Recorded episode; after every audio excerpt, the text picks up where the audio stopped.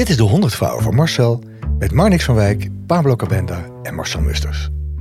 In deze aflevering gaan we praten met mijn gymjuffrouw van de middelbare school, Etty Koster. Nou, dat, die ken ik dus nog helemaal Nee, niet. die Daar moet je het een en ander over vertellen. Nou, het is, het, zij was heel jong toen ze les gaf eh, op de middelbare school bij ons. En zij was echt zo ontzettend knap en zo cool. Dat heb je me wel verteld. Was ja, stoot. ze kwam dan op de racefiets aangereden op het schoolplein en al die jongens van wow. En ze was ook stoer en stevig, weet je wel. Ja. En zij heeft later heeft zij mij geholpen om eh, een kamer te vinden in Amsterdam. Oh. Dus zij was de link eh, voor mij om in, in Amsterdam een huis te krijgen. En dat, dat is gelukt. En we hebben sindsdien eigenlijk altijd contact gehad. Ach, geweldig. En ze heeft de mug ook een beetje gevolgd? Ze heeft de mug gevolgd en ze heeft mij gevolgd. En ze is, eh, En ze is nog super actief, hè? ja, ja. Super sportief, want ze fietst, heb je me verteld, een Ja. paar duizend kilometer per jaar. Ik geloof dat ze binnenkort voor 1200 kilometer gaat fietsen in er eentje. Oh god, je moet er maar zin in hebben. Ja, maar zij, zij, dat, dat is haar meditatie, zeg maar. ja. Want ze is van zichzelf vrij druk, vindt ze zelf. En ze vindt zichzelf niet interessant. eh, maar ze doet zulke bijzondere dingen. Ze heeft ook bij de Jelinek Kliniek gewerkt. Ze heeft psychomotorische therapie gegeven. Eh, volgens mij heeft ze zelfs ook nog... eh, was ze aanhanger of steunde ze het Bader Meinhof groep in de jaren Oh, 70 of oké. 80. Ja, bijzonder. daar wil ik graag veel, veel over horen eigenlijk. Ik ook. We gaan het horen. Ja, we gaan het horen.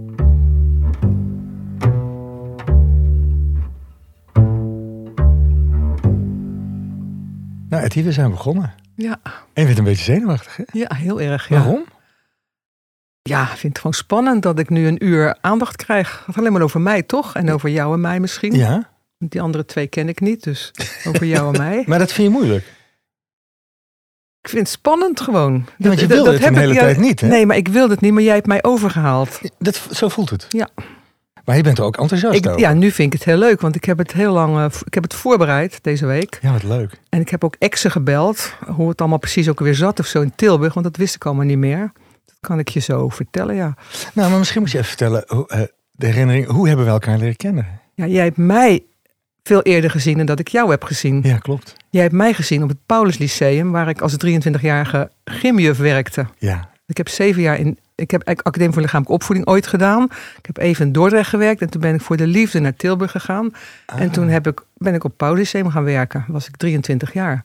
En toen was je al gymjuf, dus toen had je al die opleiding ja, gedaan. Toen en was 20, was ik toen ik klaar was of zo. Ja, je was een enorme aantrekkelijke blonde stoot. Was? Zeiden wij. Nou, nog steeds. Alleen iets ouder, 50 jaar Nee, nee, ouder. nee, nee. nee. Nee, maar ik weet nog Wat echt- weet jij er dan nog van? Ik weet nog heel goed, ik, ik zat in de, in de tweede klas van de middelbare school, dus van het Paulus Lyceum. En jij kwam dan het schoolplein op fietsen. Volgens mij had je een racefiets, kan dat? Ja, dat zal wel, ja. Ik heb wel iets En met echt met een kort rokje aan. Ehm, Heel veel heel, blond haar. heel veel blond haar, lang, heel sexy en stoer. Ja. Die combinatie vond ik zo Ja. aantrekkelijk. En dat was voor mij een soort van nieuw. Ja. Dat, er, dat er ook docenten waren die zo waren. En helaas heb ik nooit van jou les gehad. Nee, want daar hebben wij heel veel conflicten over gehad met die gymleraren. Meisjes en jongens moesten apart gymnastiek hebben. Kon absoluut niet samen. Mocht niet. En waarom vonden ze dat? Ja, dat paste gewoon niet. Jongens waren ook fysiek sterker en eh, dat, ging, dat mocht echt niet. Dat heet co-educatie. Het was echt, echt een heikel punt elke keer als we als we als een vergadering hadden. Dus ik, jij, jij stelde wel voor om dat te ja, mengen. tuurlijk. Waarom niet? Ja, nee, en er was ja. zo'n zo'n veld hè, achter de Ja, daar zie ik je ook nog staan Ja. met honkballen. ja, softballen. Heette dat. Meisjes softballen en jongens honkballen. Oh ja? Bizar. Ja, toch? Hey, maar Maar ja, ik, ik kan me jou dus helemaal niet herinneren. Nee, dat snap ik. Ja, dat- Maar ik kan je wel zeggen wanneer ik jou ben tegengekomen. Dit, dat komt straks anders. nee, Ja. vertel eens. Eh, Ik, ik werkte bij de Jellinek en toen liep jij bij het concertgebouw met Jeroen. Ah. En toen zei jij tegen mij, ben jij niet mijn gymjuf geweest? En dat was dus al 15 jaar later of zo, denk ik. Hè? Ja. Toen werkte ik bij de Jellinek. En, zo, en toen raakten we in gesprek en toen ben ik jou ook gaan volgen. Want dat deed ik daarvoor. Ik wist helemaal niet wie je was of zo. Ja. Zo is dat gegaan. Maar herinner je niet dat je, door jou ben ik in Amsterdam gekomen? Ja, dan moet je ze ook maar eens vertellen. Ja, ja. want ik, ik weet nog heel goed, toen ik dus, ik zat in de psychiatrie en wilde naar de toneelschool, deed auditie ervoor en ik werd tot mijn eh, verbazing en echt tot mijn blijdschap aangenomen. Mhm. Maar ik kende niemand in Amsterdam. En ik moest een woning hebben. En toen dacht ik ineens, "Ah, volgens mij heeft Etty, Etty is die ooit naar Amsterdam verhuisd. Vanuit Hoe wist je dat dan? Ik weet niet meer hoe ik dat weet. Weet je wat je me ook vertelde? Dat je langs mijn huis ging Ja. lopen. Als kind, van de middelbare school. Omdat jij zo'n toffe leer... Ja, ik vond jou zo'n bijzondere vrouw. Ik dacht, hoe zou die dan wonen en zo? Dus. Want jij was ook heel wild. Ja, wat een erge wilde tijd, ja. Toen ben ik met iemand, ik weet niet met wie, in de stad naar jouw huis gegaan. Hoogvensterstraat. Hoogvensterstraat. En door het raam gekeken. En toen zag ik dat huis van jou. Echt een hele hippie-achtige Ja. wildhuis en zo. Ja. Eigenlijk was je gewoon een kleine stalker. Nee, een stalker. Ik was een beetje verliefd op haar. Ah. Echt waar? Ja, want Ja, ik, dat was is heel toch een benieuwd, stalker. ik was heel benieuwd naar hoe zo'n zo'n mens dan leefde. Maar ik, ik moet wel zeggen, die, die Tilburgse tijd is wel mijn li- meest linkse tijd geweest. Ik was echt heel links. Ik was Ja. overal tegen. Dus Ah, ik had een relatie met, een, met een, iemand van de Communistische Partij, CPN. En eh, nou, ik was echt overal tegen. Dus noem het en ik was er tegen. Dus stop de neutronenbom. Geen, geen woning, geen kroning. Eh, en ook eh, een onderwijswinkel opgericht. Een rode boekje voor scholieren. Vrouwencafé heb ik opgericht. En ik was echt overal tegen. Noem het en ik was Nou, er tegen. en dus ook voor iets anders. Ja, maar dat zal, ik zal je vertellen, ik, ik heb daar zeven jaar gewoond en de zeven jaar pauzesem gewerkt. Ja, ik weet niet of jullie je nog je gymles herinneren, maar er gebeuren echt vreselijke dingen daar ook. Alleen al dat kiezen, weet je wel. Dan, Ja? dan had je dus, werd er iemand voor de klas gezet Ja. en dan moest je dus kiezen. Er werden twee partijen, Partijen, maken en dan ja. bleven er nog drie staan die niemand wilde. Nou, dat is toch verschrikkelijk? Ja, Bijvoorbeeld. Ja, waar. Ik wilde je eigenlijk aan je vragen. Toen ik nog niet wist dat jij hem nooit les had gegeven. Of Marcel nou zo'n typisch zo'n jongetje was die altijd overbleef bij het kiezen. Nee. Nee, maar ik, maar ik heb hem nooit les gegeven. Ik Nee, heb nee, alleen maar daarom. meisjes les Ja, gegeven, ja. dus dat weet ik En zij niet. kent me echt niet van die school. Nee. Nee. Het is echt van de later. En wat ook later. vreselijk is, is strefbal. Ken je dat nog? Ja, natuurlijk. Ja, als je een beetje leuk een bal kan gooien, is leuk. Maar je werd gewoon doodgegooid ongeveer. Dat is toch verschrikkelijk? Ik weet het niet meer. Dat soort dingen vond ik echt heel naar. En ook dat die jongens en meisjes samen. En het heet. Ik was eigenlijk alleen maar bezig met eh, fysieke, fysieke activiteiten bijbrengen bij jongeren. Toch meer, de, meer deed je toch niet in zo'n gymles? En, en, en waarom ben je dan eh, gymlerares geworden? Nou, Wat- ik was nogal onrustig. Ik ben nog steeds onrustig. Ja, dat weet Ik ik. heb een beetje ADHD ook, denk ik. En eh, ik, was, ik vond sporten heel erg leuk. En ik kon ook goed sporten. Ik kon alles wel een beetje. En eh, mijn ouders vonden dat wel een leuk idee, geloof ik. En ik vond het ook wel een leuk idee. Het is wel een leuke opleiding, toch? Vier jaar, Academie voor Lichamelijke Opvoeding. Maar goed, dat hele na zeven jaar had ik het wel gehad daar ook. Dus toen ben ik eh, gaan kijken waar, waar, waar dat hele gymnastiek wat meer plek zou kunnen krijgen. Want er gebeurt heel veel in de gymles. Mhm, Hè? mhm. Waarom krijgen sommige kinderen nooit een bal als je basketbalt? Ik zeg maar iets. Ja. Dat, heeft, dat, dat is ergens om. Of je, of je stelt je verkeerd op, of weet ik wat. Dus toen ben ik op, naar de middenschool gaan, eh, heb ik gesolliciteerd. Ik weet niet of je wat zegt. Niet echt eigenlijk. De middenschool, dat, is, eh, dat was van Van Kemenade uit die tijd. Dat is dan een school waar kinderen drie jaar bij elkaar zitten. Dus die hele, dat hele kiezen wordt uit. En alle niveaus door elkaar heen. Los van capaciteit of van stand of weet ik wat allemaal. En daar had, had dus lichamelijke opvoeding heette daar bewegingsonderwijs. En dat had echt veel meer een doel. Dus je begon met een kringgesprek, je eindigt met een kringgesprek. Het ging erover wat er gebeurde in zo'n les. Dus ik had zoiets, dat, ja, er gebeurde gewoon altijd heel erg veel. En dat was wel gemengd ook. Dus dat is ook veel leuker, toch? Maar wat bedoel je precies met gebeurde heel veel? Van Nou ja, als je gewoon al kijkt naar een spelletje basketbal, Ja. zal ik maar zeggen. Hè? Wie krijgt de bal? Wie, is, wie, Ja, ja. wie bepaalt hoe het spel gaat? Wie maakt alsmaar doelpunten? Wie krijgt nooit de bal? Eh, En wat doe je dan vervolgens met die informatie? nou, eh, dan, dus, dus de- daar hadden we kringgesprek en daar, had ik het, daar hadden we het dan over. Omdat het ook de bedoeling was op die school. Elke, elke les daar begon bij een kringgesprek. En de lessen werden dan gemaakt naar het niveau van... En alle niveaus zaten door elkaar heen. Dus de, na drie jaar werd de kinderen gedetermineerd. En dan ging je dus MAVO of HAVO of VWO doen. En, en, gymnastiek, dus bewegingsonderwijs had veel meer... Dat was echt ook een, een, een, een vak wat bij, de, bij die school paste. Dus wat je er dan mee doet, ja, dat je bijvoorbeeld kan kijken... eh, waarom, waarom, wie heeft er helemaal geen bal gehad in dit als voorbeeld? Hè? Mhm. Wie heeft, he- ja, ik heb nooit de bal gehad. En eh, waar, waar stond je dan? Ja, kijk, als je alsmaar achter iemand gaat staan, ik zeg maar iets, hè, Ah. dan, dan krijg je niet de bal, zal ik maar Oh, zeggen. in dat opzicht werd gymnastiek echt onderwijs. Ja. ja, ja, ja. In plaats van gewoon maar een klein beetje in met de bal heen en weer fysieke gooien. activiteiten aanbieden en Ja. Mensen leren eh, honkballen of softballen. Ja. Maar het is treurig, want tegenwoordig is er bijna geen lichamelijke... eh, eh, Geen vakleerkrachten meer. Jawel. Nee, maar op school wordt zwemmen is, eh, ligt eruit. Nou, dat hoorde ik onlangs. Ik schrok me dood. Ja. Bizar. En sommige scholen hebben nog wel vakleerkrachten en andere doen de docenten het gewoon zelf. Ja, het is wel zonde, ja, Ja, zeker. vind ik. Zeker. Maar ja, ik gaf daar dus. Dat was wel bijzonder, want er zaten ook allemaal van die Ajax-jongetjes op, hè, op die school. En toen bestond die Ajax-school nog niet. Daarna is gewoon Ajax-school gekomen. En dat waren van die beide handen jongetjes, man. Jezus. Ik kan even geen namen verzinnen, maar die zijn later ook heel goed voetbal. Ja, ja, ja. En dan, eh, die vond natuurlijk helemaal niks, zo'n juffrouw voor de klas. Die, eh, een vrouw, hè, weet je wel. En dan had ik een of andere oefening. Er was met, moest je met de ringen zwaaien en dan moest je voorop. En als je het op het goede moment deed, dan ging het. Als je het niet op het goede moment deed, ging het gewoon niet. Dus dat deed ik voor. En dan ging ik dus niet zeggen wanneer ze het moesten doen. En dan konden ze het niet. Dan had je gelijk eh, beetje aanzien. Hè? Nou ja, dat dus. Ja, want je hebt dus als vrouw heel veel met eh, jongens en Ja. mannen gewerkt. Ja, ja, later ook, ja. Hoe- Dat was wel ingewikkeld, of niet? Nee, waarom? Nou ja, door bijvoorbeeld wat je zegt. Dat, Ja, maar kijk, ja. De, de, die jongetjes toen.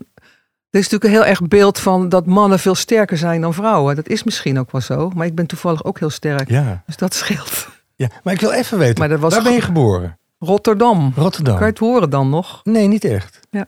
En uit wat voor soort gezin kom je? Mijn vader was stille Jut. Weet jij wat dat is? Geheim politie, of Politie? zo? Weet je wat dat is? Stille Stille Jut? Jut is een politie. Ongeuniformeerd was hij. Hij was Ah. hoofdinspecteur van politie, maar ongeuniformeerd. En dat heet stille Jut in- op zijn Rotterdams. Mhm. Ja, En mijn moeder was huisvrouw. En, En- dat wilde ik echt niet worden, huisvrouw. dat wist je al heel snel. Oh ja, verschrikkelijk. En je ouders vonden het ook oké dat jij niet een gewoon... eh, Ah. Dus het, die waren ook wel vooruitstrevend. Nou. Ik Mijn vader was gewoon heel vaak weg. Die had altijd avonddiensten, nachtdiensten, weet ik het. Wat, wat, en mijn moeder was gewoon thuis. En dat is heel, ik heb een heel traditioneel gezin. Ik had wel een hele lieve moeder en zo. Maar ik had zoiets, nou dat lijkt me zo saai. Het huishouden doen alleen maar. Ik hou liever als mijn vader. Die was dan bij de zedenpolitie. Nou dat vond ik enorm spannend, ja. Er stonden allemaal boeken bij ons in huis. Die heten Seksuaalverbrecher. Zeg ik dat zo goed? Geen Ik idee. vond het heel mooi klinken zo. Ja, dus eh, misdaad, dus oren afgebeten en neuzen tijdens de seks en weet ik wat. Oh man. Seksuaalverbrecher, ja, dat weet ik nog wel. Dat mochten we helemaal niet zien. Maar dat mijn broer en ik zagen dat wel eens, die boeken. Ja, want je hebt één broer, hè? Ja, ik heb Ja. één broer. Hey, en, en toen naar Rotterdam, Toen- toen- toen besloot je dus... Nee, Dordrecht heb ik Ja, eerst oh, gewerkt. Ja, het was op een christelijke MAVO. Dan moest ik altijd bidden het eerste uur. Dat, deed, dat kon ik niet. Dus kwam directeur bidden. Dat was dus 21. En daar heb ik ook een, een vriendin aan overgehouden. Die ik ook nog steeds kende. Dus nog 52 jaar geleden. Wauw. Daar heb ik twee jaar gewerkt. Maar het was niet zo bijzonder. En van daaruit ging je naar Tilburg. Ja, voor de liefde ging ik naar Tilburg. En toen heb ik gesolliciteerd op En die liefde, vertel daar eens over dan. Ja, dat was een CPN'er. Die man Mhm. was ouder. Ik vond een verschrikkelijk interessante man. En, eh, maar de, ja. Ja, Wat zal ik daarover zeggen? We hadden een open relatie. Ja. Maar dat gold vooral voor hem. Oh, Mm. oké. Ik was inge- vond het wel ingewikkeld, vond ik ook. En eh, Maar dat Ja. was ook een beetje nieuw in die tijd, toch? Dat, dat mensen gingen nou ja, experimenteren. alles was. Kijk, hij was, hij was erg communistisch. Ik was meer. Ja, ik, ik had maatschappelijk wist ik nog niet zoveel. Ik heb wel heel veel van hem geleerd. En ehm, alles was bezit. Dus een relatie was ook bezit. Hij was tegen bezit. Aha. Mm. En mijn ouders, hij vond ook dat ik mijn ouders maar eens een tijdje niet moest zien. heb ik ook gedaan, echt verschrikkelijk. Het was, ja, de- dat was goed voor mij, vond hij, dat ik mijn ouders een tijd niet zag. Dat heb ik ook gedaan, dus doe je toch niet. Zulke lieve mensen. Maar ja, heb ik gedaan. Maar hij was een stuk ouder, zeg je. Dus dan Hij was, eh, ik denk vijf jaar ouder of zo. Ja. Ja. dus je was onder de indruk en je dacht dat Heel hij, erg onder eh, de indruk, ja. En, en eh, dat heeft niet... eh, Nee. Nou, hij heeft best lang gewerkt eigenlijk. Hij was heel erg dominant, ook. Dus, eh, Ja, want jij bent ook pittig, toch? ja, ik ben ook wel pittig, maar hij was nog pittiger. hoor. Ja. Ja, ik was op, nou ja, het, het werkte op een gegeven moment niet meer. En toen ben ik dus gaan solliciteren op de middenschool. Dan ben ik eerst nog wat weekend naar Tilburg gegaan, maar uiteindelijk niet meer. Had je hogere doelen dan? In Ja. eh, Ja. Ja? Nou, Ja. ik dacht, dit vak heb ik geleerd. En je kan er zoveel meer mee dan alleen maar leren speerwerpen en softballen. mhm. Er gebeurt gewoon heel veel in de, in de, in de communicatie. En daarom ben ik die PMT ook later gaan doen. Maar dat PMT, komt dan, psychomotorische therapie, hè? Ja. Dus toen, toen was ik op, op die middenschool en toen had lichamelijk opvoeding echt, toen heet het bewegingsonderwijs, had het echt een, hoorde het bij een geheel. ja. Dus, eh, en, en toen ben ik de psychomotorische therapieopleiding gaan doen, waarvan jij weet wat dat is. Maar hij is niet, dus leg Wat- even uit. Wat is dat? Leg uit. Psychomotorische therapie. Dat is, ehm, is een, een thera- je hebt niet overal woorden voor. Mhm. En eh, als je niet lekker in je vel zit, kan dat op je lichaam sla- slaan. En omgekeerd kan je lichaam ook signalen geven dat het niet goed met je gaat. Dat je grenzen aan moet geven, Mhm. zoiets. En het is een post-HBO-beleiding. En het is, het is voor mensen met psychische problemen. Het is dus niet eh, mensen die ik of fysiotherapie of zo. Mhm. Ik zal straks wel een voorbeeld eh, daarvan geven. En iedereen deed dat daar eigenlijk. Al mijn collega's deden psychomotorische therapieopleiding. En toen ik die afgerond had, ben ik eigenlijk in de psychiatrie gaan werken. Oké. Ik ben weggegaan bij de middelschool toen, na een jaar of drie, denk ik, vier. En was dat bevredigend? ja, ja, ja, ja, ja. Waar werkt je dan? Ik heb, eer, ik heb heel veel vrouwenhulpverlening en trauma en incestverwerking en traumatherapie gegeven. Wist je Oh, allemaal niet, hè? Nee. Ik heb eerst bij het Derksen Centrum gewerkt. En dat was dan eh, het trauma. Heel veel, heel veel jonge me- meisjes die eh incestervaringen hadden. Daar heb ik twee jaar gewerkt. Ik heb bij de adolescentenkliniek gewerkt, het AMC. Dat waren adolescenten die hun eerste psychose hadden. Maar die zaten zo onder de medicatie, daar kon je eigenlijk niet zoveel mee. Ik weet, er was een meisje die, die, die, daar werk, die daar zat, opgenomen was. Die liep de hele dag zo krom, omdat ze met de doodskist op de rug liep. Oh jee. Dat dacht zij dus. En als het dan Ah. misgaat, dan kan ik er zo inspringen. Maar die kreeg daar ook allemaal misvormingen van of zo. Dus daar heb ik dan wel, die heb ik wel geleerd rechtop te lopen en een rieten kistje, weet je, dat soort dingen. Maar ik vond Ah. verder, vond verder, nou, daar kon je niet zoveel mee. En ik heb bij een RIAG gewerkt, incestverwerkingsgroepen. Wist je ook niet, denk ik. Nee, nee joh. Trauma, tra- en ik, toen, toen ben ik bij de Jellinek gekomen, min of meer toevallig. En daar heb ik heel lang op de vrouwkliniek gewerkt, die nu niet meer bestaat. Dus heel veel vrouwenhulpverlening. En eh, ja, wat heb ik daar gedaan? Agressie, agressieregulatietherapie aan mannen En daar deed je ook allemaal een opleiding voor telkens? Of kon, kon dat met de ja, PMT? ik heb heel veel. Ja, je kon wel heel. PMT had ik er heel veel, maar ik deed wel allerlei nascholingscursussen en zo. En het belangrijkste waren vrouwen dus ook voor jou? En waarom was dat?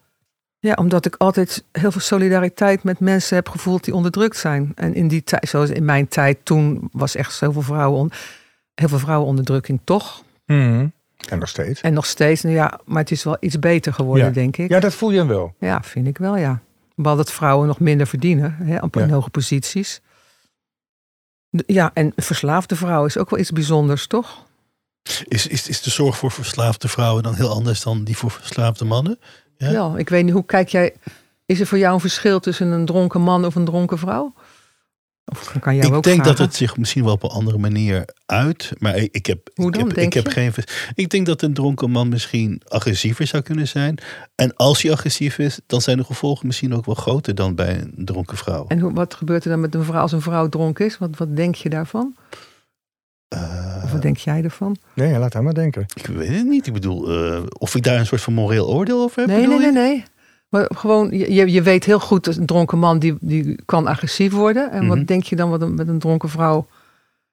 Nou, een, vrouw, een donkere vrouw kan ook agressief worden. Maar dan denk ik, en misschien is dat wel heel erg dom. Maar dat de gevolgen van, eh, van een agressieve dronken vrouw misschien minder heftig zijn. Of minder ingrijpend dan een agressieve dronken man. Omdat? Ja, omdat een ja, agressieve dronken man is Sterker. En, eh, en kan dan misschien ook meer schade aanrichten. En jij, wat denk jij het verschil is tussen, of hoe kijk je naar eh, verslaafde vrouwen en verslaafde mannen? Kijk je er anders naar? Weet ik eigenlijk niet zo goed. Ja, ik geloof dat ik het misschien net iets zieliger vind om te zien. maar ik ben, ik ben nogal van de... van- ook van het... dat ik iets snel zielig vind. Is het bij vrouwen meer naar binnen gericht? Wat zeg je? hè? Nou, ik denk dat eh, gemiddeld mannen hun agressie naar buiten richten Ja. en vrouwen meer naar binnen, naar zichzelf. Ah, Ja. ja. Oh, is dat zo? Ja. Ja, dat geloof Oh, ik dat ook wel. Ja. En ja, vrouwen die verslaafd worden ook vaak seksueel misbruikt. ja. Ik denk, ja, ik, ik, wat ik, dat een, een dronken man is misschien wel ook wel eens stoer, maar een dronken vrouw is toch wel. Vinden ze niet echt leuk om te zien, hoor, Nee. hoorde ik vaak. Maar misschien, eh, want ik weet niet of wat Marnix gezegd heeft, of dat dan wat duidelijk eh, hoorbaar was, omdat hij geen microfoon heeft. Maar misschien moet jij dat gewoon even her- herhalen wat hij zei. Over het naar binnen en naar buiten richten. Dat, dat, eh, dat eh, eh, mannen die dronken zijn meer naar buiten gaan, Mhm. extrovert zijn, en vrouwen die drinken meer naar binnen gaan. Nou ja, Ja. je, je kunt het natuurlijk niet in het algemeen zo zeggen. Er zijn natuurlijk heel veel gradaties of zo, maar er zijn wel veel, veel vrouwen die in de vrouwkliniek waren, hebben drank gebruikt om, als medicatie ook. Om te overleven ooit, hè? En Ja. dan, dan gaat het natuurlijk door. Maar betekent het ook dat het misschien minder snel wordt opgemerkt bij vrouwen dan bij En mannen? veel vrouwen drinken binnen, Ja, thuis. Ja. Heel veel. En mannen gaan meer naar buiten. Ja. En de vrouwen die naar buiten, sommige vrouwen die naar buiten gaan, zijn heel veel verslaafde vrouwen die dan ook in de prostitutie zitten en zo. En jij drinkt niet en hebt nooit, nooit. gedronken. Nee, nooit. Waarom ben je nooit gaan drinken? Nou, toen ik in de puberteit zat, kon ik, eh, heb ik, kon ik heel goed volleyballen. Dus ik zat in, eh, ik, zat land, ik speelde landelijk volleybal. En de hele peergroep waar ik in zat, dus die dronken ook niet. Ik moest heel veel trainen en ik speelde heel veel volleybal. En thuis dronk, mijn ouders dronken ook niet. Niet uit ook later niet roken, wel. trouwens? Ik heb ook nooit gerookt, nee. Wat gezond zeg. ja. Ik liep wel. Ik liep met wel enige afgunst. in, de- in de puberteit had ik wel zo'n pakje Evergreen in mijn spijkerjas. Want dat vond ik wel stoer staan. Maar ik rookte Evergreen, ken je dat nog? Ja, ja, ja, maar ik, zeker. menthol, maar ik rookte Menthol, ja, eh, dat niet. zijn geen sigaretten Nee. eigenlijk. Maar even over die, op die verslaving. Toen had je nog een vrouwenkliniek en een mannenkliniek. Ja. En ja, dan kan je met psychomotorische therapie dissociëren, zegt dat woordje wat? Ja, ja. Er zijn heel veel vrouwen die... drinken is ook een vorm van dissociatie natuurlijk. En als je niet meer drinkt en er gebeurt iets, iets wat je niet wil... dan, kan je, dan, dan, kan, dan ga je ook kunnen, gaan sommige vrouwen dissociëren. Dus dan ben je er gewoon niet meer. Dan kan iedereen van alles met je doen. Net zoals dat je dronken bent. Hè? En ja, en dat, her- dat kan je heel goed herkennen met lichaamswerk, vind ik. Ja? Ja, vind ik wel. Hoe ja. dan? Dat- En hoe ze zich... eh, hoe, Nee, dat je er gewoon niet bent en dat je. Ja, dat er dingen met je gebeuren die je eigenlijk misschien helemaal niet wil of zo. Maar dat je dat niet voelt. Dat je, dat je buiten je lichaam gaat staan. Mhm. Ken jij het woord dissociëren? ja, ja, zeker, zeker. Dus, dus bijvoorbeeld als je seksueel misbruikt bent, dan, op, dat, dan kan je naar jezelf kijken op het moment van het misbruik. Ja. En dan voel je niet. Dan sta je, nee, ga je eruit en dan ja, kijk en dan voel je, dan, niet. eh, Maar ja. als je, als je dus stopt met drinken, is het natuurlijk ons, ook onhandig als je dat elke als er iets naars gebeurt, dat je gaat dissociëren en dus niet je grenzen aan kan geven. En is dat een soort van overlevingsstrategie? Ja. Oh, heftig, Maar niet alle verslaafde vrouwen zijn seksueel misbruikt, maar wel veel. Want Toen ik bij Jelinek werkte, vond ik Dat is toch schokkend eigenlijk, hè? Dat Ja. er zoveel seksueel misbruik is. zo heel veel. Vind ik zo schokke- schok- chockerend dat, dat dat als macht, Ja. als machtmiddel gebruikt wordt. En verslaving komt, in, komt overal voor. Hè? is Ja. heus niet alleen maar eh, ook hoogopgeleide mensen. En eh, nou, ik heb dat, dat vertel ik later. Dus toen gaf ik nog, gaf ik nog psychomotorische therapie in die zaal. En ja, ik vond het wel een heel mooi vak hoor. Nog steeds. Jij kent het ook hè? Ja, ja, ja. Ik werkte in die psychiatrische eh, kliniek en daar was een afdeling psychomotorische Ja. therapie, dus dat kwam er wel vaak. Da- daarom moest ik ook soms aan jou denken. Ik denk, oh, dat, dit, is, dit is wat Etty doet. Ik zit denk of ik ook een voorbeeld van een oefening kan geven of zo. Ik- Hebben jullie wel eens naar eh, Dream, School, Dream School gekeken? Ik niet, maar die ik heb oefening? wel Ik, vond haar zo goed. Hè? Hoe heet ze? Eh Lucille Rijken. Luxe, ja, ja, ja. Boeddhisten ook, hè? Trouwens, ja. Oh, dat is die kickboxer, toch? Ja, heb je die oefening met dat Misschien moet je even vertellen wat het programma is aan hem. Want dan misschien... Eh, er zijn de meest onmogelijke pubers die overal van school afgestuurd worden. En ik herken, in haar herken ik, zij deed zo'n oefening met zo'n speer. Ik weet niet of je dat gezien hebt. Het was een heel dun houtje. Ja. En dan moest je hier het doel opschrijven, wat je weer naartoe wilde. En dan zet je die, die, zette dat stukje hout op je keel en op dat doel. En dan moest je naar voren en dan knakte dat houtje. Maar dan, wat je dan ziet gebeuren, is dat, dat de mensen heel erg met die pijn bezig zijn. En Wat knakte zo dat houtje? Dus, dus je bent dan zo met die pijn bezig en niet met het doel waar je naartoe wil. Ja, ja. Dus het eigenlijk is een soort van metafoor dat mensen Ja. niet die pijn willen ondergaan om hun doel te bereiken. Ja. Nou, bij, in de pijn blijven hangen. Blijven hangen. Ja. En ik deed ook heel vaak plankjes doorslaan. Ja. Dat is ook zo geweldig. maar dat, dat hout was met de nerf mee. Hè? Maar je moet, wel, je moet wel slaan, anders doet het pijn. En dat, dat deed ik deed een maand over om dat te bereiken. Om dat door te kunnen. Om dat door, ja, gewoon de hele, dat hele visualiseren. En ik ga een plankje doorslaan. En waarom ga je dat plankje doorslaan? Ja, wak. En dat is echt zo, dat is echt zo mooi, vond ik. En daar Mhm. kregen vrouwen zoveel zo'n kick van soms, dat ze Ja. dat konden. Ja, snap ik. Dat was wel mooi, ja. En dan waarom, waarom zou je zo'n plankje doorslaan? Van, ik, ik wil, en dat ging dan heel erg over, dit wil ik niet meer en dat wil ik wel. En, zij, zij, en dan, dit wil ik niet meer. Pok. Prachtig. Ik vind het wel grappig. Ik heb er nooit zo goed over nagedacht. Maar dat al die psy- psychische problemen of issues die je hebt, dat ze zich zo lichamelijk kunnen manifesteren. Want dat is het eigenlijk wel, hè? Nou, niet altijd, maar wel vaak, Ja. ja. Maar ja, je, je kan wel, denk, als iemand er dichtbij komt en je, ben, je hebt een beetje contact met je lichaam, dan kan je wel voelen of iemand er dichtbij je staat. Ja, ja. Maar daar heb ik het met Marcel over gehad. Van, dat wil ik aan jou ook vragen. Heb je een lichaam of ben je je lichaam? Ah, ja, dat is een interessante. Ik denk dat ik er één heb. En wat zei jij? Mars? Zij is het. Ja, ik denk dat ik ook één heb, maar zij... Ik ben mijn lichaam. Jij bent je lichaam. En, en, en wat zegt het dan precies over je? Ja, dat het een geheel is. Ja, ja. En ik denk als je een lichaam hebt, kan dan een ander het ook gebruiken of zo? Als je zegt ik heb een lichaam, of is dat raar dat ik zo zeg? Eh, ik begrijp wat je bedoelt. En ja, maar bij mij is misschien waarom ik daarop uitkom, is omdat ik denk dat het lichaam iets is dat ontzettend handig is, waar ik heel veel mee kan, maar waar niet de essentie van mij in zit. Zo werkt het voor mij. Denk, Denk, ik ook een beetje. Maar ik, ik kan me ook voorstellen dat je wel je lichaam bent. Omdat je in dit leven met dit lichaam het moet doen. Dus Ja. dan ben je dat ook. Maar je bent niet alleen je lichaam. Nee. Nee, maar dat, dat zeg ik ook niet. Nee, maar nee. Nee, nee, nee. Maar daar, daar kunnen we het nu al over hebben. Van, ik, ik, ben nog, ik ben fysiek sterk en ik heb eigenlijk nooit wat gehad. Ja, la- later wel, dat komt zo. Dat mijn lichaam, ik heb vorig jaar, kreeg ik spierreuma ineens. Ik heb er nog nooit wat gehad. Een keer aan mijn knie, maar verder kon ik eigenlijk fysiek alles wat ik wilde. Mhm. En toen kreeg ik die spierreuma. Ik dacht, jezus. En toen had ik zoiets, mijn lichaam is ook een heel groot stuk van mijn identiteit. Ja. Toch?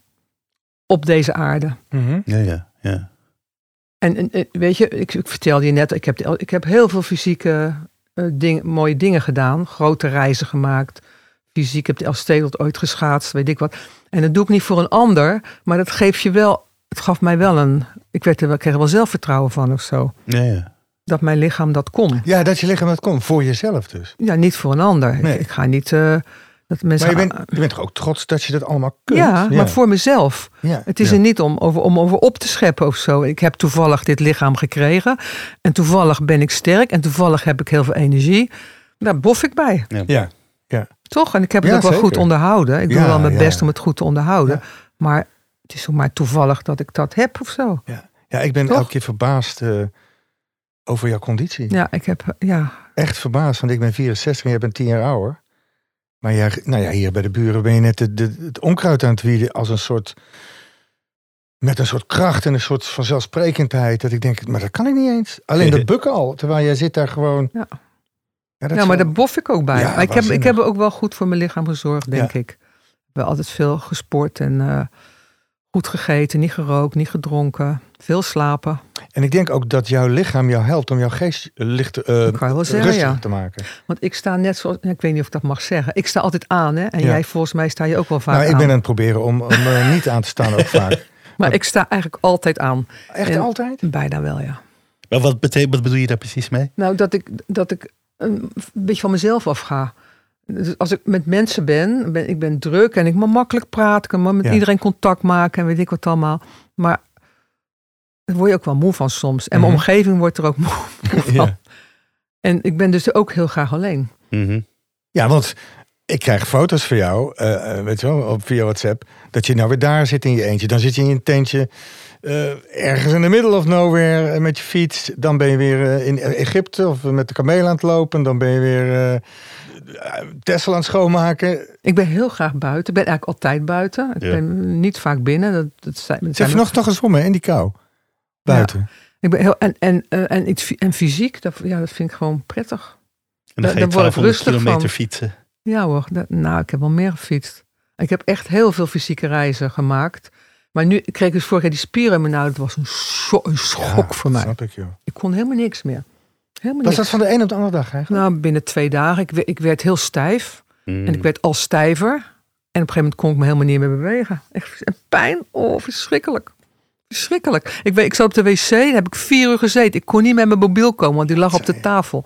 En ik woon alleen. En uh, nou ja, het was vrij snel duidelijk dat ik spierreuma had.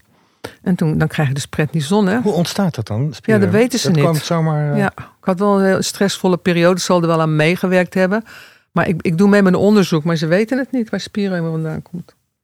Reum, ja, nee, het gaat ook wel weer over. Dat wel, ja. Dat is... Ja. Uh, Want hoe, want ja, zoals je zelf zegt, je bent een heel ontzettend actief persoon, nog steeds. Hoe, hoe deal je daar dan Nou, mee? bijna niet. Ik vond het verschrikkelijk. ja, joh. ik dacht, dat nou, is- mijn leven is voorbij. Mm. Omdat ik al net zei dat, dat hele fysiek, dat mijn lichaam ook een stuk van mijn identiteit is. dacht, Ja. nou, die is weg. ja, en ja. nu? Ja. Maar het klopt En natuurlijk wat dacht je toen nu? En nu? Nou, ik dacht wel, ik moet maar eens een paar andere hobby's gaan ontwikkelen. dan fietsen en lopen en zo. Zoals? Ja, dat ben ik nog niet, dat heb ik nog niet ontdekt, dat weet ik niet. Maar ik dacht wel, eh, ik, heb, ik heb een elektrische gitaar gekocht. Nou, dat was ook helemaal niks. Kan niet onthouden. Wat goed. Ja. Ik heb les gehad ook. Nou ja, elke volgende les was ik het weer vergeten. Ik kan Ah, het ja. gewoon niet. Ja, nou ja, hoe, ja, die prednison is gewoon een wondermiddel. Want dat gaat gewoon... eh, Maar toen kwam mijn volgende verslaving. Ik heb dus een beweegverslaving, een buitenverslaving... en een niet dik verslaving heb ik ook. Ja, oké. Prednison, daar word je dik van. Oh, Ja, ik ja, krijg ja. zo'n hoofd en oh. Dus toen eh, dacht ik, nou, dat wil ik niet. Dus toen ben ik dus veganistisch geworden. Uh-huh. En ik ben zelfs een beetje afgevallen, ondanks de prednison. En voelde je daardoor beter ook? Die prednison is een kikker hoor, kan ik je wel aanraden, ja. Nee, maar ik bedoel, voelde je ook beter ehm, door het eh, eh, eh, eh, veganistisch te zijn? Nou ja, ik weet je, ze, ze zeiden bij het reumacentrum dat ze hele goede ervaring hebben met plantaardig eten en reuma. En spierreuma is nog niet zo bekend, dus ze hebben mij dat wel geadviseerd. Ik denk, nou ja, ik kan zo'n pilletje slikken, dit kan ik zelf doen. Ja. Dus eh, we gaan een beetje niet meer volgens het lijstje. Oké, waar ben je nu dan ongeveer? Waar ik nu ben, met Ja? mijn vo- Met je lijstje? even kijken hoor. Nou, ik heb dus verteld dat ik dus eh, in- op de vrouwenkliniek heb gewerkt. Ja. En ik heb ook eigen, eigen praktijk gehad waar- waarin ik ook relatietherapie gaf met psychomotorische therapie. Dat is ook interessant hoor. Wauw. Zal ik ook een voorbeeld geven? Ja? Ja. Je moet wel een beetje affiniteit met beweging hebben, want anders denk je, wat, sta ik hier te doen? Ja. Als het een beetje van de intellectuele mensen zijn. Ja, ja, maar je hebt toch in de gymzaal heb je toch van die banken waar, waar de ja. kinderen. En als je die dan omdraait en die, en die ook omdraait, dan heb je een soort wip. Ja. Nou, en dan liet ik ze met z'n tweeën op die wip staan, dat echtpaar. En dan zei ik, jullie moeten samen die bank in balans brengen. Nou, dan zie je dus heel veel. Dan zie je wie de baas is. Dan zie je wie niks doet. Dan zie je wie geïrriteerd wordt. Echt fantastisch. Oh ja. Snap je? Ja, ja, Maar het, ja. beetje, klinkt bijna een beetje kinderachtig. Nee, maar het klinkt, het klinkt super logisch. Ik denk bij mezelf, ja, waarom den- denken mensen daar eigenlijk zelf niet aan, weet je wel? Maar misschien ben je ook helemaal niet in die frame of mind om het op die manier... Nee, maar dan moet je die bank in balans brengen. En Ja. dan zie je gelijk wie ze. Ja, kom nou een stukje naar voren, naar achteren. En zie je dat dan niet, trut? En meestal die mannen, hè? Echt Oh, zo grappig. En dan, en dan draai je het om en dan zeg je dat die, dat die vrouw dus nu de leider. En dan pikken ze niet, hè? En dan zeg je, je doet helemaal verkeerd. Zo krijgen we nooit die bank in balans. Nou ja, dat dus. Oh my god. En dan kan je het ook filmen. En dat is eh, wel, daar kan je wel een uur mee bezig zijn, hoor. Maar heb je dan ook op die manier ook een soort van doorbraak bereikt met mensen die daarvoor ja. gewoon Ja. echt... Oh, fantastisch. En, En dan probeer je dat dan dus. Dat je, dat je, kijk, het, het gaat natuurlijk niet om dat ze daar bij mij die bank in balans brengen. Maar wat er dan hier gebeurt, herken je dat? Herken je dat? En noem dan eens een situatie thuis waarin dat precies hetzelfde gaat. En hoe zou je dat, hoe zou je dat anders willen? En ga het dan eens proberen deze week. Aan de aanleiding, ik deed wel meer oefeningen, maar ja, het was dan soms wel duidelijk, ja. Of dat ze uit elkaar gingen, kan natuurlijk ook. dus komt de bank helemaal niet meer in Nee. balans. En in hoeverre heb je daar voor je eigen leven veel aan gehad? Jeetje, ja. Nou ja, ik had ook wel wat therapeutische sessies kunnen doen met mijn toenmalige partner, denk ik. En ik, heb, ik heb dus twee langdurige relaties gehad. Hè? Eén in Tilburg en één in Amsterdam met de vader van mijn, de vader van mijn dochters. Je hebt twee dochters, hè? Ja. Ik heb twee dochters. En ja. twee, drie kleinkinderen. Vier. Vier intussen. Oh ja, dat is waar. Heel klein allemaal nog. Ja. Wat ik er zelf aan gehad heb, ja. Ik, ik, ben, ik ben ook zelf lang in therapie geweest. Maar dat, dat, als je die opleiding deed, dan moest je in leertherapie. Dus het hoorde er En ook natuurlijk een beetje bij. Ja. Ja. En ja, dat, dat, dat ik dus heel veel ruimte... Ik heb heel veel ruimte nodig voor mezelf. Stilte. Mhm. Dus Ja. het is, ik ben niet zo goed, daarom ben ik nog niet zo goed in relaties. Hmm. Want dan, ik moet me af en toe terug kunnen trekken en eh, ook, ook even alleen zijn en eh, alleen op vakantie gaan, ondanks dat je een relatie hebt. Wel, en vinden, veel mannen vinden dat wel een beetje moeilijk. Ja, je, mannen vinden jou een moeilijke, Ja. moeilijke vrouw. Ja. Maar wel aantrekkelijk. Nou, ik denk dat sommige mannen ook wel bang van mij zijn. Of Ja. zo. Ja, bang voor je kracht of voor je... Ja, ja. Ah ja? En ook gek van mijn druk te worden. Ja, Ik ben- ik heel druk, dat zei hoor. eerder, ja. Maar je bent altijd druk als je met, hun, of met mensen bent. dan. Ja, wel vaak, ja. Dus je kan niet gewoon... Ja, in het hospice heb ik het geleerd. Zal ik straks vertellen. Je hoeft niet ook straks te zeggen, je kunt het gewoon vertellen. Nou ja, kijk, Ja. Je kan ik werk in hospice, hè, doe ik Ja. vrijwilliger, ben ik zorg, zorg, zorgvrijwilliger. Daar kan je niet zo druk zijn. Dat, dat Nee. kan niet. Want het gaat niet om mij. Het gaat om dat ik de mensen die daar gaan sterven, dat ik die volg en luister. Mhm. En bijvoorbeeld, dat is wel een hele mooie. We hebben heel veel training ook. Hè? Dus ze hebben allemaal zo'n zo'n knopje. En als je daarop drukt, dan moet je gelijk naar iemand toe. Mijn neiging is om gelijk naar binnen te stormen. Maar dat mag ik dus niet doen. Dan moet ik voor de deur gaan staan. Dan moet ik met mijn hand, heb, heb ik me aangeleerd, met mijn hand helemaal langs de deur gaan. Zo, vier keer adem en dan pas naar binnen. Want dan als ben je in, voorbeeld. in de juiste Ja, ja, mood om... ja. eh. Om te, om, om te luisteren ik kan goed, ik kan wel luisteren. Ja, ja. Ja, ik heb, want, want nadat ik op die vrouwkliniek gewerkt, dat is wel leuk om te vertellen, ben ik, eh, ben ik bij, eigenlijk een tijdje gestopt met psychomotorische therapie, want ik wou niet meer in die gymzaal staan, die, die geur alleen al. En toen eh, ben ik bij het Jelinek Outreach Team gaan werken. Toen kreeg ik 16 eh, mensen op mijn caseload die eigenlijk chronisch verslaafd zijn. Dus niet met de bedoeling om te stoppen, maar wel dat het leven voor hun een beetje draaglijk is en voor de omgeving ook. Hmm. En dat waren allemaal zorgmeiders, dus die hadden helemaal geen zin in mijn bemoeienis. En de bedoeling was dan dat ik probeerde contact te maken. En als het contact eenmaal had, dan kwam er schuldhulp bij. En de tandarts kwam erbij. En werd het huis schoongemaakt. En, eh, Je was een beetje de, de, de, spil. buffer, de, de, ja, ja, de de hulpverlening. verbinding, zeg maar. Nou, wat ik daar heb meegemaakt. Ja? ja, want ik kwam jou wel eens tegen in de stad. Dan eh, zag je fietsen en dan stopte je even. Ja, ik moet even... eh, Ja, er zat Marcel teksten te leren. Daar op die hoek van die, bij de Nederlandse bank.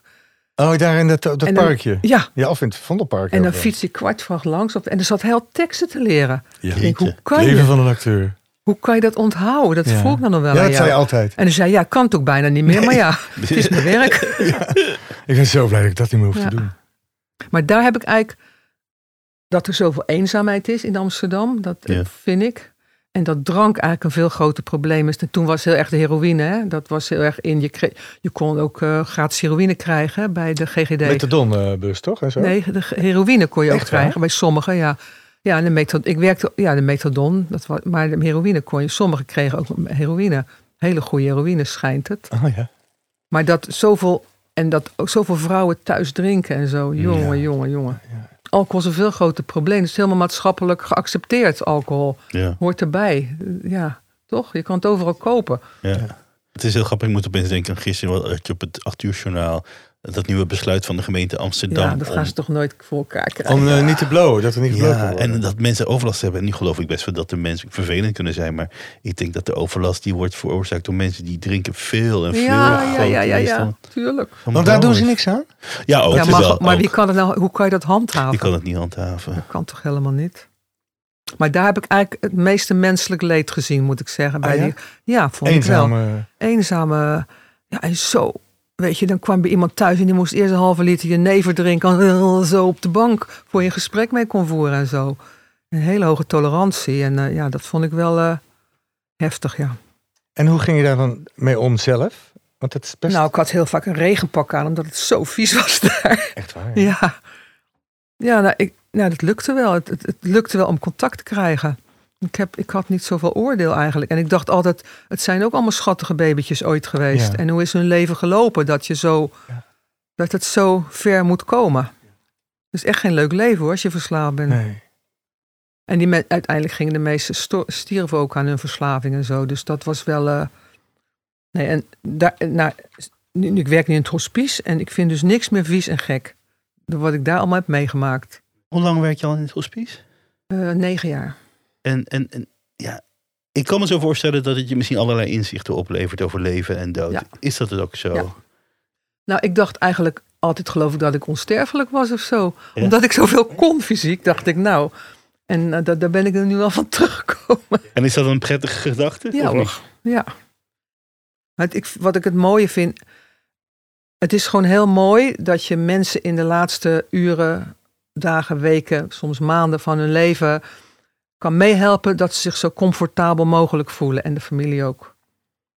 Merk je dan dat mensen over het algemeen echt vrede hebben met hun lot? Of is het soms ook af- afgrijzelijk om te zien? Nee, ik, ik vind ook. Nee, ik vind het niet afgrijzelijk. Mm. En het is het mooiste als je in vrede kan sterven. Maar soms zijn er mensen die, voor wie ja, die het heel moeilijk kunnen accepteren dat ze doodgaan. En wat ik wel moeilijk vind is jonge, jonge, jonge moeders met kinderen. Dat, vind ik, dat ga ik uit de weg. Dat vind ik zo moeilijk. Mm. Daar heb je niks aan mij. Dat vind ik eh, te moeilijk. Oh, dat kan me Hoewel voorstellen. die kinderen wel flexibel zijn. Maar, nee, maar ik, ik vind over het algemeen dat, ja, het is gewoon een heel mooi hospice ook. Dat, Sowieso het idee van hospice is heel mooi. Ja. Mhm. Dat dat bestaat en dat zou veel... weet je hoe ik daarbij kom eigenlijk? Nee, vertel eens. Maar toen ik dus nog op straat werkte, dus in Outreaching, toen was, heb, ik, heb ik twee eh, cliënten van mij zijn daar gestorven. En het waren alle twee prostituees. En ik kwam daar binnen en dacht, oh, wat een rust hier. Als ik met pensioen ben, ga ik hier werken. Ik had zo'n hectische baan en je komt daar binnen en het is zo rustig. Het is zo'n fijne sfeer daar. Het is ook heel gewoon. Het is gewoon een huis in de pijp en zo. Ja. Maar dat is ook wel een beetje raar. Want aan de ene kant is het natuurlijk super vredig. Ja. Maar je zit, wordt natuurlijk wel gewoon de hele wel dag geconfronteerd met de dood. Nou, de- nou, Of is dat helemaal niet? nou, soms niet de hele dag. Mhm. Ja. Er is ook, een, er is ook heel veel lachen en zo. Ja, dat kun je misschien niet voorstellen. Mhm. Oh ja, ook- juist wel. er Ik is kan me ook dat heel heel goed veel, eh, voorstellen. Het is ook heel grappig soms. Of, eh, en er werken, er werken gewoon... Ik heb nooit zo leuk collega's gehad als daar. Er Mhm. zijn natuurlijk al mensen die daarvoor kiezen. Dus eh, beetje oudere mensen allemaal. Maar is, is de dood dan voor jou zelf makkelijker aan het Ja. worden? Het accepteren dat, dat er een einde aankomt? Ja. En dat komt ook door het werk in het hospice? Ja. Nou, ik wil helemaal niet dood. Absoluut, helemaal nog niet. Mhm. Echt heel erg aan het leven nog. Maar als ik soms zie, en die hele, palli- de hele palliatieve zorg is zo veel beter geworden ja. in Nederland. Maar het is wel grappig. de- Dus ik heb allemaal keuzes in mijn leven gemaakt, vind ik zelf. Hè? Dus eerst met die lichamelijke opvoeding, de bewegingsonderwijs, psychomotorische therapie. Op straat, gaan- vrouwenkkliniek, vrouwenhulpverlening, op straat gaan werken. En nu ben, werk ik dus in een hospice. Dat is toch Je hebt zo'n soort van. eh, ja, het is net alsof je naast je eigen leven dat leven van anderen hebt Ja. eh, aanschouwd. Om te Ja. kijken hoe het van het begin naar het einde gaat. Ja. En dat ik nu bij het einde ben, bedoel je? Nou ja, jij zelf mijn nog einde. niet. Nee, nee, Ik nee, geef nee. je nog zo 50 jaar hoor, Etty. Maar, maar je bent nou in ieder geval het einde van anderen aan het aanschouwen. Ja, ja. Dat Ja. is bijzonder dat je daar. eh, ik vind het wel bijzonder en mooi ook dat je daarbij Mhm. mag zijn. Dat Ja. je een bijdrage aan. Ja, alleen al, zal ik maar zeggen, dat je elke dag iemands bed verschoont. Je bed, ja, dat is toch ook mooi? Ja. Zo'n vers, we moeten alles strijken en zo. En eh, dat is toch ook mooi? Nou, ik, kan me, ik kan me heel goed voorstellen dat het een enorme voldoening Ja. geeft. Dus je doet het ook wel een beetje voor jezelf natuurlijk. Ja, daar tuurlijk. Maar je moet het ook voor jezelf doen. Ja. Ook voor jezelf. Want het werkt niet als je het alleen maar voor de ander doet. Ja. Ja, Wat een leven, hè? wat een leven, hè? Ja, nee, ik wil iets over mijn reizen vertellen. Want dat, Vertel eens. Ja, want je bent altijd op reis. nou ja, fysieke reizen heb ik altijd Ja, gedaan, hè? ja. Hoe is dat gekomen? Heb je dat, deed je het vroeger ook ja, al? dat deed ik altijd al. Altijd fietsen, lopen, altijd. En ik heb echt heel veel fietstochten. Ik ben door heel Europa gefietst. Maar ik heb wat mijn. Ja, wat, wat is de meest. In, ik, ik heb een paar indrukwekkende. Ik ben de Santiago de Compostela gelopen, als dat je wat zegt. Mhm. Van Midden-Frankrijk. Dat vond ik Mhm. wel bijzonder. Wat was daar zo bijzonder aan? Nou, kijk, ik zag het meer als een sportieve prestatie. Maar dat moet je niet zeggen aan het eind. Want dan krijg je, krijg je niet nee. een papier. Nee. Nou, wat ik bijzonder vond, is dat er, er marcheert een soort leger daar door Spanje. Het is echt heel populair. En ik vond het, het is, er gebeurt wel iets met je als je, elk, ik heb drie maanden gelopen. Als je elke dag opstaat, je schoenen aantrekt, de hele dag loopt, slapen, eten. En dat, dag, dag, dag, dan gebeurt er wel iets mee. Daar word je wel rustig van. Ja. Dat gebeurt er met Ja. je. Je wordt rustig. Ja, het duurde bij mij wel een paar weken, maar je wordt wel rustig ervan, ja. Dat vond ik wel. En als je dan terugkomt, kan je dat, kan je dat niet vasthouden? Of Nee. niet goed? Dan moet ik het weer doen. Die beweging is... Die, die, ja, ja, Ja. ja, ja, ja. En ik heb ook eens foto's van jou gehad dat je in de woestijn aan het Ik lopen drie, ik heb drie keer in de woestijn gelopen. Fantastisch, moet je ook eens doen, maar. Ja, dat zei je ook telkens. Ja, maar ik denk allemaal dat... Er is niks, hè? Ja, maar niks. ik kan met die knie kan ik helemaal Nee. door het Nee, het is losse zand lopen. Ja, maar het is niet allemaal zand, hè? De Oh, nee. Sahara is ook een steenwoestijn. En Jordanië is ook een steenwoestijn. Nou, moet ik dat dan maar doen? Heel bijzonder. Het groeit niks, er loopt niet, er is niks. Wat is er dan bijvoorbeeld anders aan eh, lopen in de woestijn en een tocht naar Santiago de Nou, Compostela? hebt veel meer afleiding. Nu ben je dus echt veel meer teruggeworpen op jezelf. Ja, ja. Maar daar ben je dus ook goed in. Om, om teruggeworpen te zijn op jezelf. Ik vind mezelf erg leuk reisgezelschap. Ja, dat Ik is... vind het ingewikkelder om iemand te zoeken met wie ik op reis zou kunnen gaan. Met mezelf heb ik wel, eh, ja, dat gaat wel Ja, het is grappig, want dat vind ik bij jou zo sterk. Dat je, dat gaat allemaal heel goed en daar voel je heel goed. Terwijl naar andere mensen toe doe je het toch heel, een soort van onzeker heel vaak. Of dan vind je jezelf niet de moeite waard of zo. Wat is dat dan?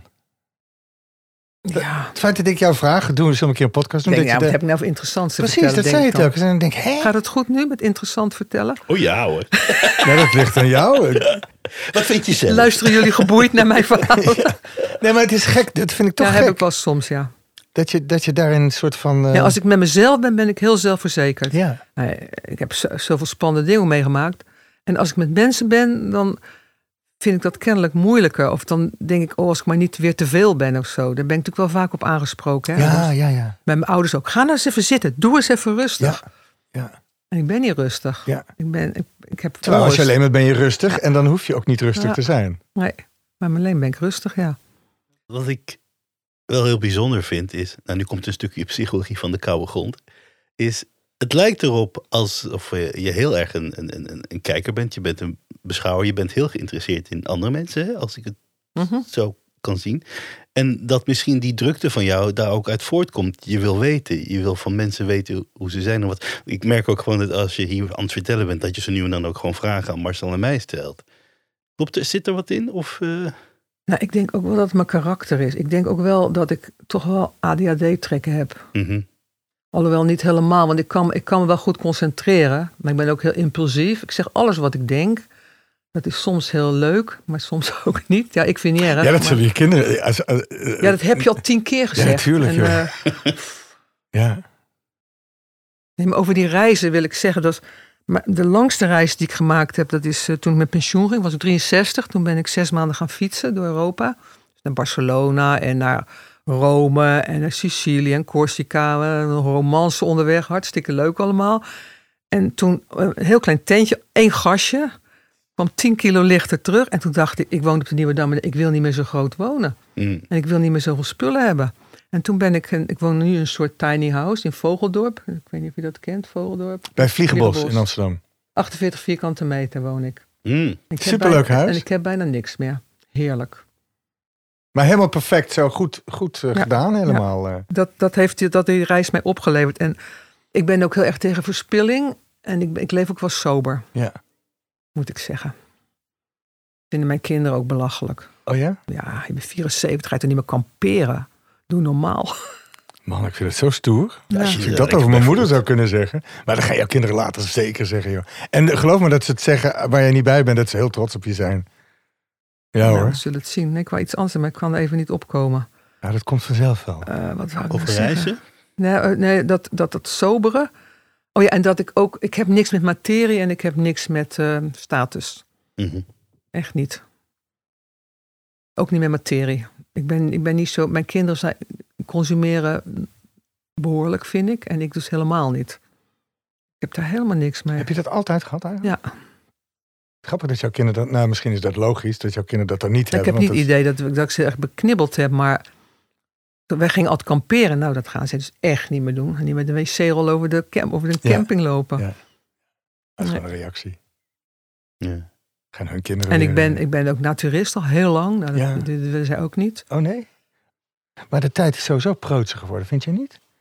Dat, dat is raar, want jij hebt, het, je hebt het alle twee meegemaakt. Je hebt het, dat, Toen kon je nog topless overal op het strand. Man, en nou, ik dat- weet het, wel, op de middelbare school ging ik met vrienden zwemmen in, eh, in, in zo'n... In Goorlen. Nee, niet in Goorlen. Ja, daar in de buurt geloof ik. In zo'n natuurplas, maar gewoon bloot. Wij allemaal waren 15 Jongetjes en 16. ook? Jongens en meisjes door elkaar. Echt? Van school, ja. Ja. Nou, dat kan je nou toch niet meer voorstellen? Nee. Want ik hoor dat ze op, op scholen zelfs in onderbroek eh, Onder de douche. douchen. staan. Asfalt douchen. Ja, ik vind het wel heftig hoor. Maar in Spanje, ik was laatst in Spanje, daar, daar mag je dus nu weer topless. Op Spaanse stranden. En dat doe je dan ook? Ja. Wat goed hè? Als enige. Mijn moeder deed het ook. Ja. Ja, met haar zuster. En ze is een paar van die Engelse vrouwen dat je dat durft. Ja, waarom niet? Ja. Het is wel grappig, want jij over de psychologie van de koude grond. Ik kan me wel over mijn gedrag soms, daar kan ik onzeker over zijn, maar eigenlijk niet zo. Ja, ook, nou, ook weer wel eigenlijk. Over mijn uiterlijk. Ik vind, ik vind het wo- het wordt er niet mooier op als je ouder wordt, vind nee, ik. hallo. Nee.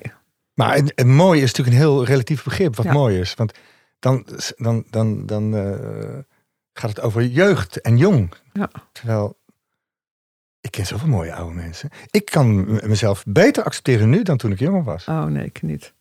Maar ik stond daar vroeger helemaal niet bij stil hoe ik eruit zag, geloof ik. Dus Nee, pas na de maar je moet toch heel veel eh, mannen achter je aan hebben gehad en heel veel Nou, aandacht. nou. Ach, houd toch op, Etty. Ah, Maar dat heb je dan niet gezien. Ik weet het zeker, want op school werd er voortdurend over jou gesproken. ja, toen was ik 23, hè? Ja, nou, eh, er zijn nu ook mannen van 80 die op, Ja, op prachtig. een meisje van van de week 74. tegen- eh, ja. Ik ja. date wel eens, hè? Nou, Ja, vertel dat nog eens, ja. Die dateavonturen. nou dan ga ik, dan moet ik toch. dan- Nou, je date Even spieken. avontuur. Nou, ik heb twee lange relaties gehad. Ja. En ik heb het eigenlijk wel goed met mezelf. Behalve tussen kerst en oud en nieuw wil ik altijd wel een relatie dat hebben. zei je altijd, ja. Dat vind ik zo kut uit, als ik het mag zeggen. Ga, eventjes jou, ga even over de date, want dan moet ik eigenlijk iets laten horen. Oh, Kijk, ik ging wel eens daten. En als het dan een leuke man was, let op. Dan liet ik dit, liet ik, ging, ging dit sturen. nou, dat ben ik benieuwd. Let op.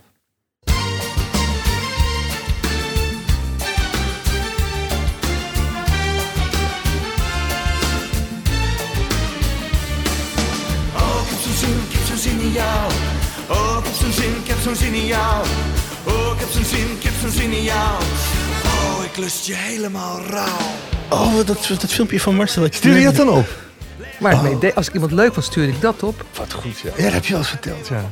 En hoe reageerde ze daarop dan? Nou, ze vond het wel een beetje, een beetje heftig. Ken je dat filmpje van hem? Ja, ja, ja, zeker. Dat singeltje van... Is het jaren Toen was je zo 90? jong. Hoe oud was je toen? Ik weet niet, was in 1995. Oh, ik heb zo'n zin, ik heb zo'n zin in jou. Oh, ik heb zo'n zin, ik heb zo'n zin in jou. Oh, ik lust je helemaal rauw. Ik heb zo'n zin in jou. Ik heb zo'n zin in jou. Ik heb zo'n zin in jou. Heb je zin in mij? En dat stuurde ik dan. Dat was wel ook succesvol hoor. Ja? Ja. Ja. Grappig hè? Ze had in die clip moeten zitten. Ik had je toen moeten vragen. ja, maar dan is misschien zo'n uitvinding als Tinder is misschien ook iets voor jou. Of Tinder. Niet? Ja. Nou, ik ben nu weer even klaar mee. Met Maar je hebt het wel gedaan. Nee, Tinder. Nee, Nee. Oh, stond maar wat wel zoek je precies dan? Want je, want je, je wil helemaal geen man voor dag en nacht. Nee. En af en toe. Gewoon voor, ik vind voor het ook leuk fijne om, intieme... aange- niet eens zozeer om de seks, maar gewoon aangeraakt te worden. Ik vind het Ja. ook leuk. eh, Ik weet nog een keer dat je bij mij kwam vorig jaar dat ik jouw voeten masseerde. Oh, maar Dat het zo zo on- geëmotioneerd Emo- van. dat we samen eigenlijk heel geëmotioneerd Ja. waren. Dat dat gewoon... Maar ik voelde heel veel connectie met jou. Ja. Maar dat komt ook door jou. Ja, dat is een exchange. We deden, we deden een, ik maakte zijn keuken schoon. Ja. En dan ging hij mijn voeten masseren. Wat een deal. Ja, zo. Ja, maar nu ook. Ze, ze doet hier de, de, de Ja, de deal is nu iets minder hoor. Ja, maar die komt Maar nog, toen hè? ging hij mij... En dat kan hij heel goed. Maar ik, weet, ik, ja, werd er zo, mijn voet ook is gemasseerd. ik werd er zo geëmotioneerd van. maar Ik weet niet waarom. Ah, oké. En maar even over jou Marcel. Want toen, ik Oh, kwam jee. jou dus tegen bij het concertgebouw. Met Jeroen, volgens mij. Daarna kwam ik je tegen bij dat... eh, bij dat plein waar je altijd teksten zat te leren. Ja, en waarin ik eh, gestalkt... Toen werd ik gestalkt door een vrouw die elke keer me achterna reed. Ja, want je hebt vast ook heel veel vrouwen gehad die Oh, verliefd op jou zijn. Ja. Meer vrouwen dan mannen, lijkt me. Nee. Nee? Ik heb het, ja, één vrouw was, die, die heeft een straatverbod gekregen bij mij thuis. Die kwam bij mij thuis en die ging mijn dochters achterna. Echt verschrikkelijk. Die vrouw was zo eenzaam. Toen kwam ik in haar leven. En eh, ja, toen werd ze verliefd op mij, ja.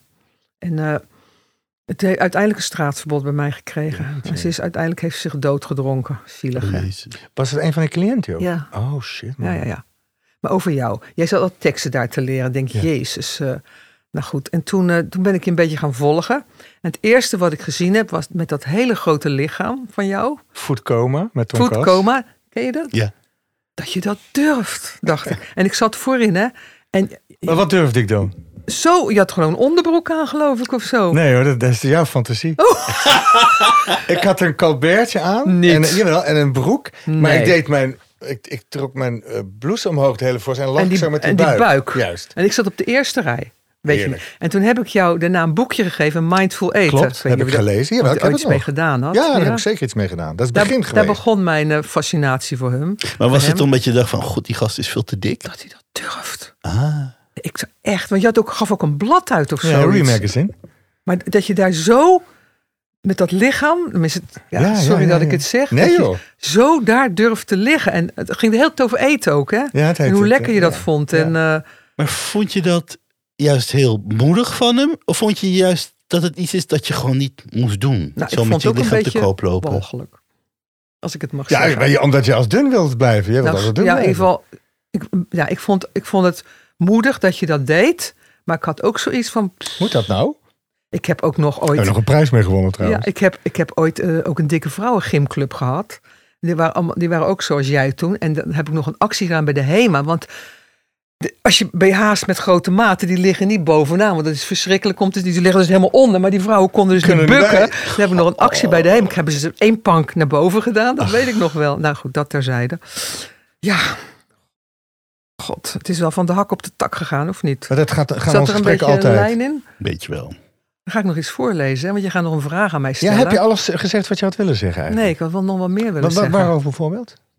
Ehm, ja, over die hele, over dat, dat ik vind, ik, ik was heel maatschap, maatschappijbewust vroeger. Ja. En ik, ik, ik vind dat nu met de jeugd zoveel minder. Ja, natuurlijk zijn er zijn natuurlijk wel bij die wel, als ik naar mijn dochters kijk of zo, zijn gewoon met andere dingen bezig. Ja, de- ja. Nou, over die betrokkenheid. eh Marcel vertelde me vlak voordat we het gesprek aangingen. dat jij zelfs ook, en dat is ook wel een beetje van. ook bij de Baden-Meinhof groep hebt gezeten. Oh ja, ja, Ja. Oh, dat heb ik niet verteld. Nou, niet, niet bij hun gewelddadige kant, Nee. maar wel bij hun ideologische kant. Ja. Ja. Nee, niet bijgezeten. We hadden daar heel veel sympathie voor. En eh, hadden ook een soort Baden-Meinhof eh praatgroep, zoiets. Voor, de- voor hun linkse ideeën. Maar niet natuurlijk Dat was toen jij in Amsterdam woonde? Of Nee, allemaal, al? het is In allemaal in Tilburg? Til. Ik heb zoveel gedaan daar. Ja, want je hebt een vrouwencafé opgezet Ja. daar. Ja. Er werden, werd- die vrouwen werden door mannen gehaald. Dat, was toen nog, dat kon toen allemaal helemaal nog niet, joh. En, en, ja, en, dus, en femsokgroep, ik weet niet of je wel eens van gehoord hebt, Nee. voortgroepen. Nou ja, dat, dat eh, vrouwen...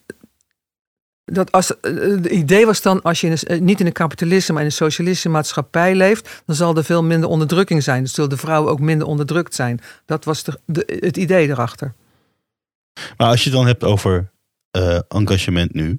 dan denk ik natuurlijk gelijk als eerste aan Extinction Rebellion. In hoeverre heb je daar dan misschien ook nog affiniteit mee? Nou, toevallig zou- hebben we het van de week over gehad dat we daar samen. Ik ben niet zo van demonstreren of zo. Ik Mhm. hou niet van die grote groepen. Maar dat wij daar naartoe zouden gaan, hè, Ja. Extension Rebellion, om gewoon eens een Gewoon te gedachtegoed. supporten ook, Ja, maar een gedachtegoed is wel goed Ja, natuurlijk. ja, zeker. Ja, zeker. ik heb hetzelfde, want ik heb, eh, ik heb, ik, heb- ik heb me er ook aangemeld.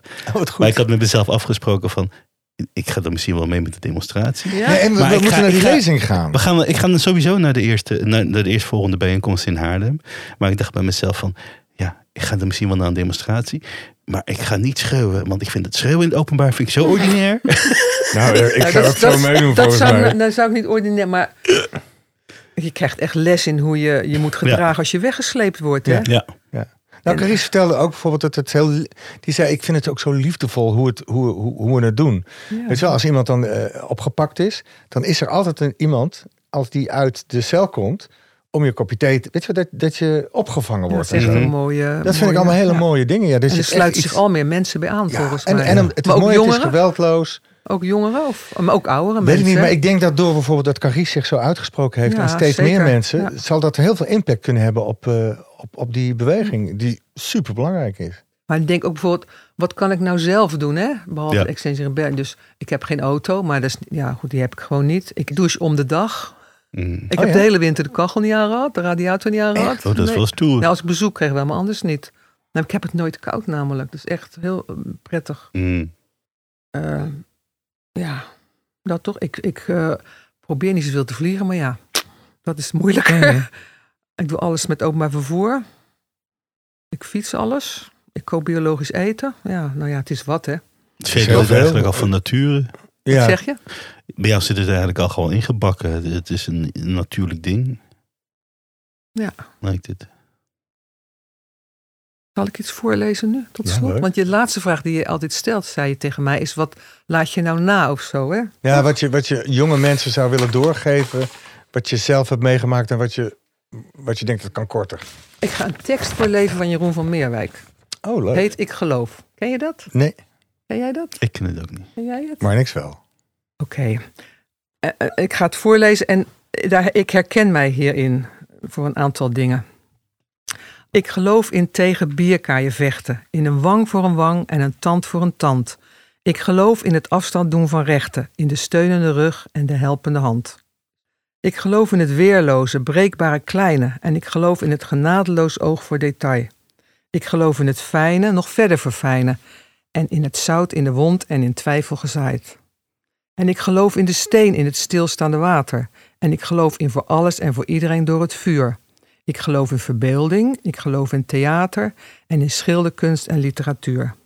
En ik geloof in het kanaliseren van woede. En dus geloof ik in spel en dus geloof ik in sport.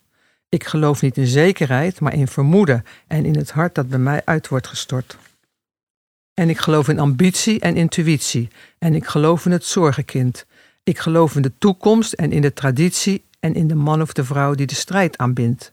Ik geloof in afwijkend, ik geloof in bijzonder. Ik geloof in de kont en ik geloof in de krip. Ik geloof in het raadsel, ik geloof in het wonder en ik geloof in compassie en ik geloof in begrip. En met het risico dat ik voor gek word versleten, geloof ik dat alles ooit mooi wordt en goed. Met de moed van de wanhoop en tegen beter weten in, blijf ik maar geloven omdat dat wel moet. Ik blijf maar geloven omdat dat wel moet. is prachtig. Wauw. Ik word er zelf ontroerd van. Ja, maar ik vind het, het is een ontroerend mooie ik blijf tekst. maar geloven omdat het wel moet. Ja, Mooi Ja. hè? ja. Voor jou. Nou, wat lief. Dankjewel, Etty. Ken je niet? Ik ken het niet, maar ik vind het wel heel mooi. Wauw. Hij leeft niet meer hè, Nee. Johan Nee. Hij is overleden. Ja, dat is een mooie tekst hè? Hele mooie tekst. En daar herken ik me wel in. En jullie misschien ook wel. Helemaal. Elke Ja, zin. toch? Ja. Dankjewel. Dankjewel.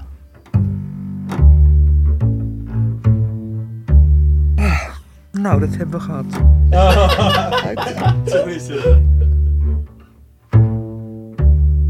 Dit was de 100 vrouwen van Marcel met Etty Koster. In de volgende aflevering praten we met goede vriendin, kunstenaar en actrice Moena Goeman-Borgesius. Tot dan.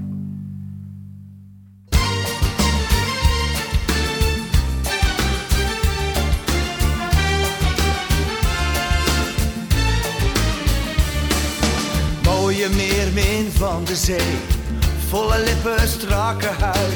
Geef je over, geef wat mee. Trek je laatste kleren uit. Nachte dromen op dit strand, dat je gulzig op me ligt. Eén keer stonden wij in brand, dus ik doe mijn ogen dicht. En ik voel ik ruik je weer. Ik proef je ogen en je mond. Je vurig strelen smaakt naar meer. Ik wil je arme benen kont. Je billen zijn zo blond. Zijn zo blond. Oh, ik heb zo'n zin, zo'n zin in jou. Oh, ik heb zo'n zin, ik heb zo'n zin in jou. Oh, ik heb zo'n zin, ik heb zo'n zin in jou. Oh, ik lust je helemaal rauw. Oh, ik heb zo'n zin, ik heb zo'n zin in jou. Oh, ik heb zo'n zin, ik heb zo'n zin in jou. Oh, ik heb zo'n zin, ik heb zin in jou. Oh, ik lust je helemaal rauw. Kom dan hier en verleid me nog een keer. Leg je hoofd maar in mijn schoot. Ik verlang naar het eeuwig op en neer. En verleid me nog een keer. Leg je hoofd maar in mijn schoot. Ik verlang naar het eeuwig op en neer. Geef je lekker langzaam bloot. Oh, ik heb zo'n zin, ik heb zo'n zin in jou. Oh, ik heb zo'n zin, ik heb zo'n zin in jou. Oh, ik heb zo'n zin, ik heb zo'n zin in jou. Oh, ik lust je helemaal rauw. Oh, ik heb zo'n zin, ik heb zo'n zin in jou. Ik heb zo'n zin, ik heb zo'n zin in jou. Oh, ik heb zo'n zin, ik heb zo'n zin in jou. Oh, ik lust je helemaal rauw.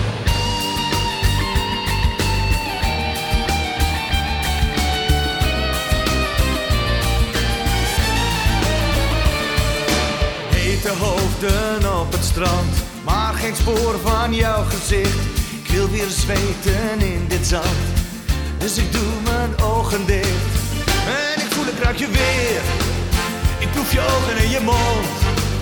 Jouw vurig strelen smaakt naar meer, ik wil je arme benen kont. Je billen zijn zo blond, zijn zo blond. Oh, ik heb zo'n zin, ik heb zo'n zin in jou. Oh, ik heb zo'n zin, ik heb zo'n zin in jou. Oh, ik heb zo'n zin, ik heb zo'n zin in jou. Oh, ik lust je helemaal rauw. Oh, ik heb zo'n zin, ik heb zo'n zin in jou. Oh, ik heb zo'n zin, ik heb zo'n zin. Oh, ik heb zo'n zin, ik heb zo'n zin. Oh, ik lust je helemaal rauw. Kom dan hier en verleid me nog een keer. Leg je hoofd maar in mijn schoot. Ik verlang naar het eeuwig op en neer. Geef je lekker langzaam bloot. Kom dan hier en verleid me nog een keer. Leg je hoofd maar in mijn schoot. Ik verlang naar het eeuwig op en neer. Maar die kans die is niet groot. Oh, ik heb zo'n zin, ik heb zo'n zin in jou. Oh, ik heb zo'n zin, ik heb zo'n zin in jou. Oh, ik heb zo'n zin, ik heb zo'n zin in jou. Oh, ik lust je helemaal rauw. Oh, ik heb zo'n zin, ik heb zo'n zin in jou. Oh, ik heb zo'n zin, ik heb zo'n zin in jou. Oh, ik heb zo'n zin, ik heb zo'n zin in jou. Oh, kom vlug weer helemaal terug. Ik heb zo'n zin in jou. Heb zo'n zin in jou. Ik heb zo'n zin in jou. Heb je zin in mij? Wil je adverteren in onze podcast? Stuur dan een berichtje via mijn Instagram of Facebook. Of mail naar de 100 vrouwen van Marcel en schrijf daarbij 100 in cijfers.